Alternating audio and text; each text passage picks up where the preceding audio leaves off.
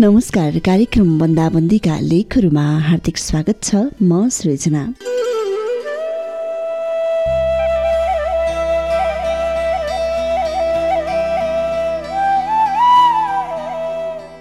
हृदय नजिकै रहेको मान्छे तर भौतिक दूरीमा धेरै टाढा बेखबर। कहीँ कसो कहिलेकाहीँ याद आइदिँदा समय र परिस्थितिले सम्झाइदिँदा कति उकुस मुकुस भएका भावनाहरू बहन्छन् होला। आँसु बनेर। कार्यक्रम बन्दाबन्दीका लेखहरूमा सचिता गुरुङले कार्यक्रम बन्दाबन्दीका लेखहरूका लागि पठाउनु भएको अधुरो मित्रता शीर्षकको लकडाउन डायरी आज प्रस्तुत गर्दैछु।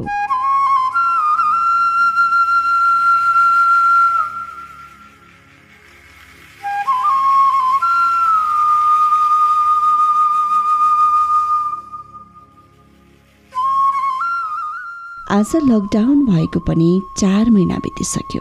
आज अचानक उसको याद आयो।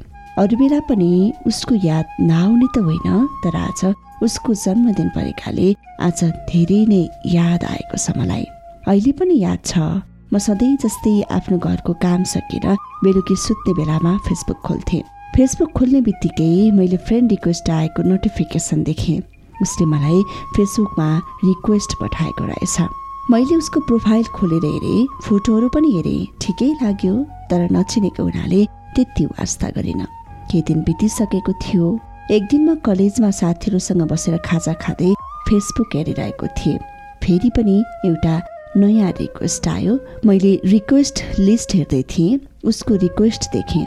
यो पटक मैले मेरो कलेजका दुईजना साथीहरूलाई उसको म्युचुअल फ्रेन्ड देखेँ र साथीहरूलाई को हो भनेर सोधे। एउटा साथीले पनि फोटो हेर्दै स्कुलको साथी हो हामीले सँगै एसएलसी दिएको थियौँ भनेपछि उसको रिक्वेस्टलाई मैले एक्सेप्ट गरेँ।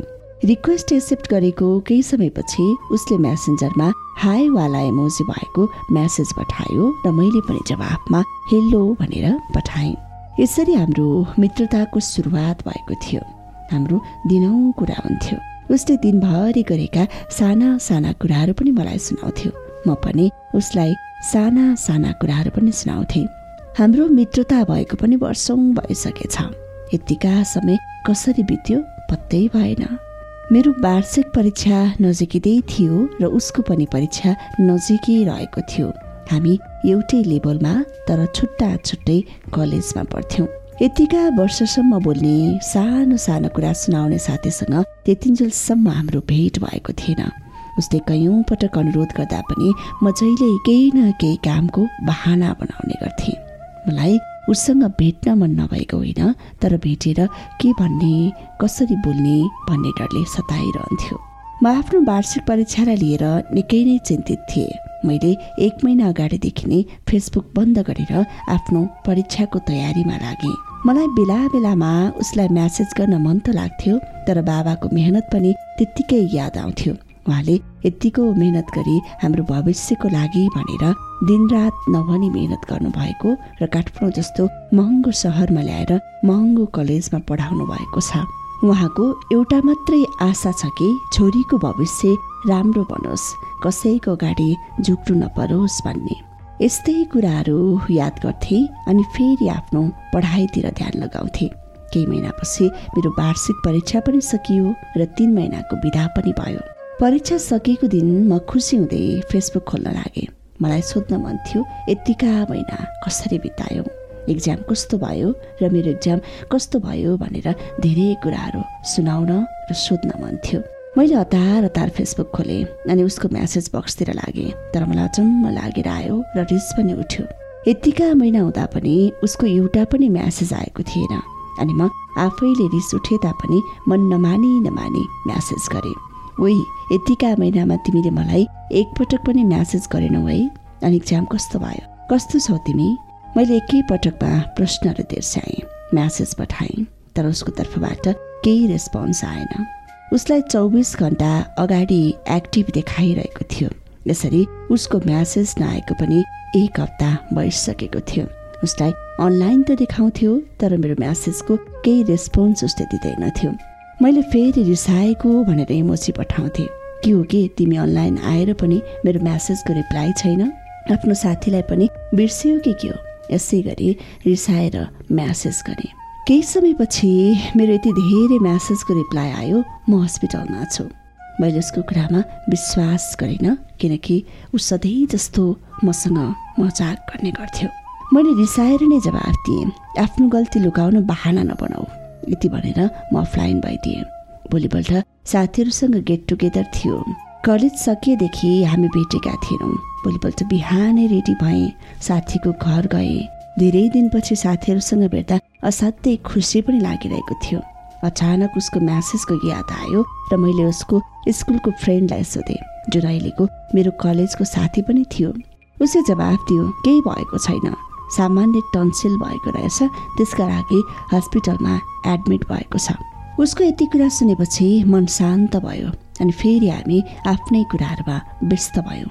बेलुका आएर म्यासेज चेक गरेँ तर उसको म्यासेज आएको थिएन।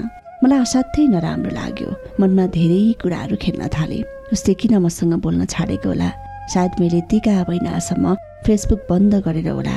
हुन पनि मैले फेसबुक बन्द गर्ने बेला उसलाई केही पनि भनेको थिइनँ। तर फेरि अर्को मनले लाग्यो उसले पनि त बुझ्नुपर्ने हो मेरो इक्जाम थियो भनेर।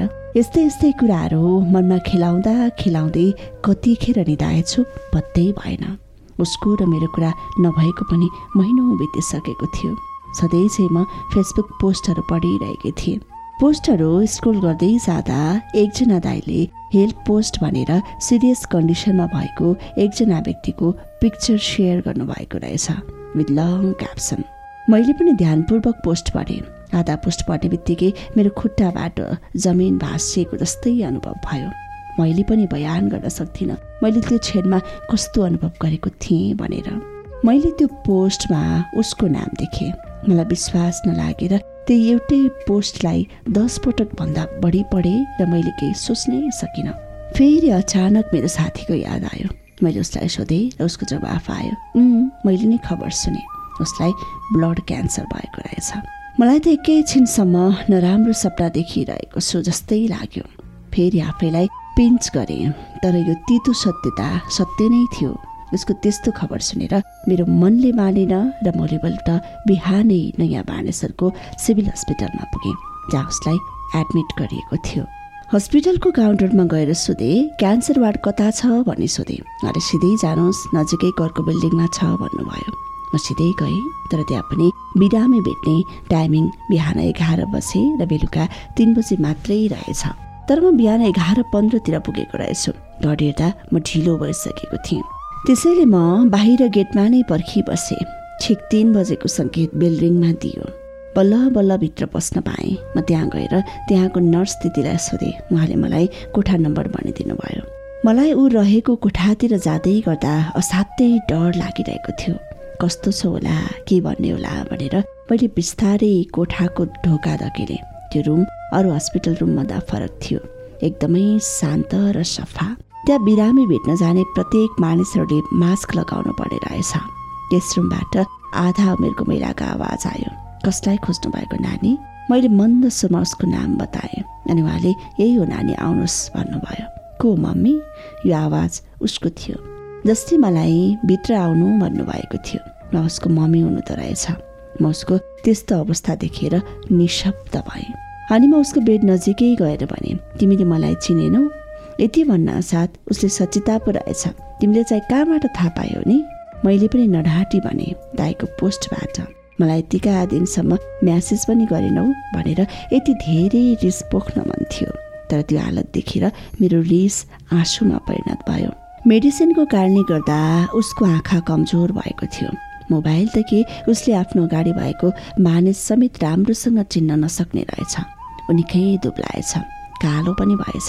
कपाल सबै झरिसकेका रहेछन्। म जाने बित्तिकै हतार हतार टोपी छामेर लगायो। हाम्रो पहिलो भेट यस्तो अवस्थामा होला भनेर मैले कल्पना पनि गरेको थिइनँ।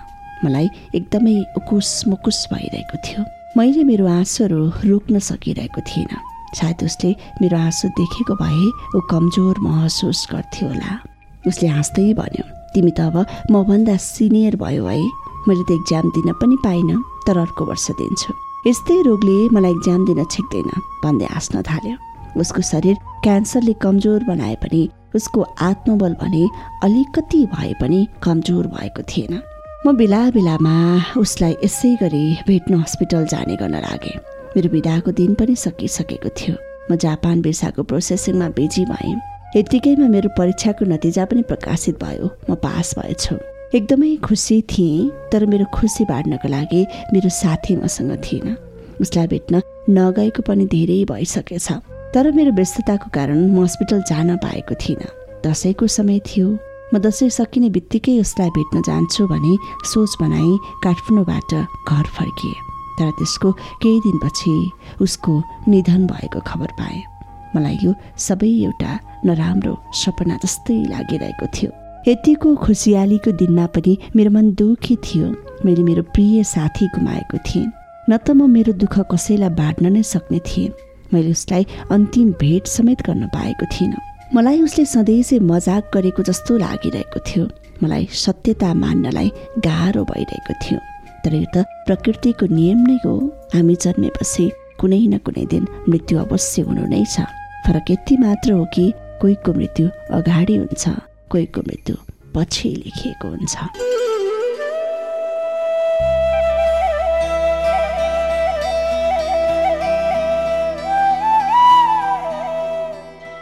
सचिता गुरुङले लेख्नु भएको अधुरो मित्रता शीर्षकको लकडाउन डायरी आजको कार्यक्रम बन्दाबन्दीका लेखहरूमा प्रसारण गरे। आजलाई भने बन्दाबन्दीका लेखहरू यति नै। भोलि फेरि यस समयमा अर्को एउटा लेखको साथमा उपस्थित हुने नै छु।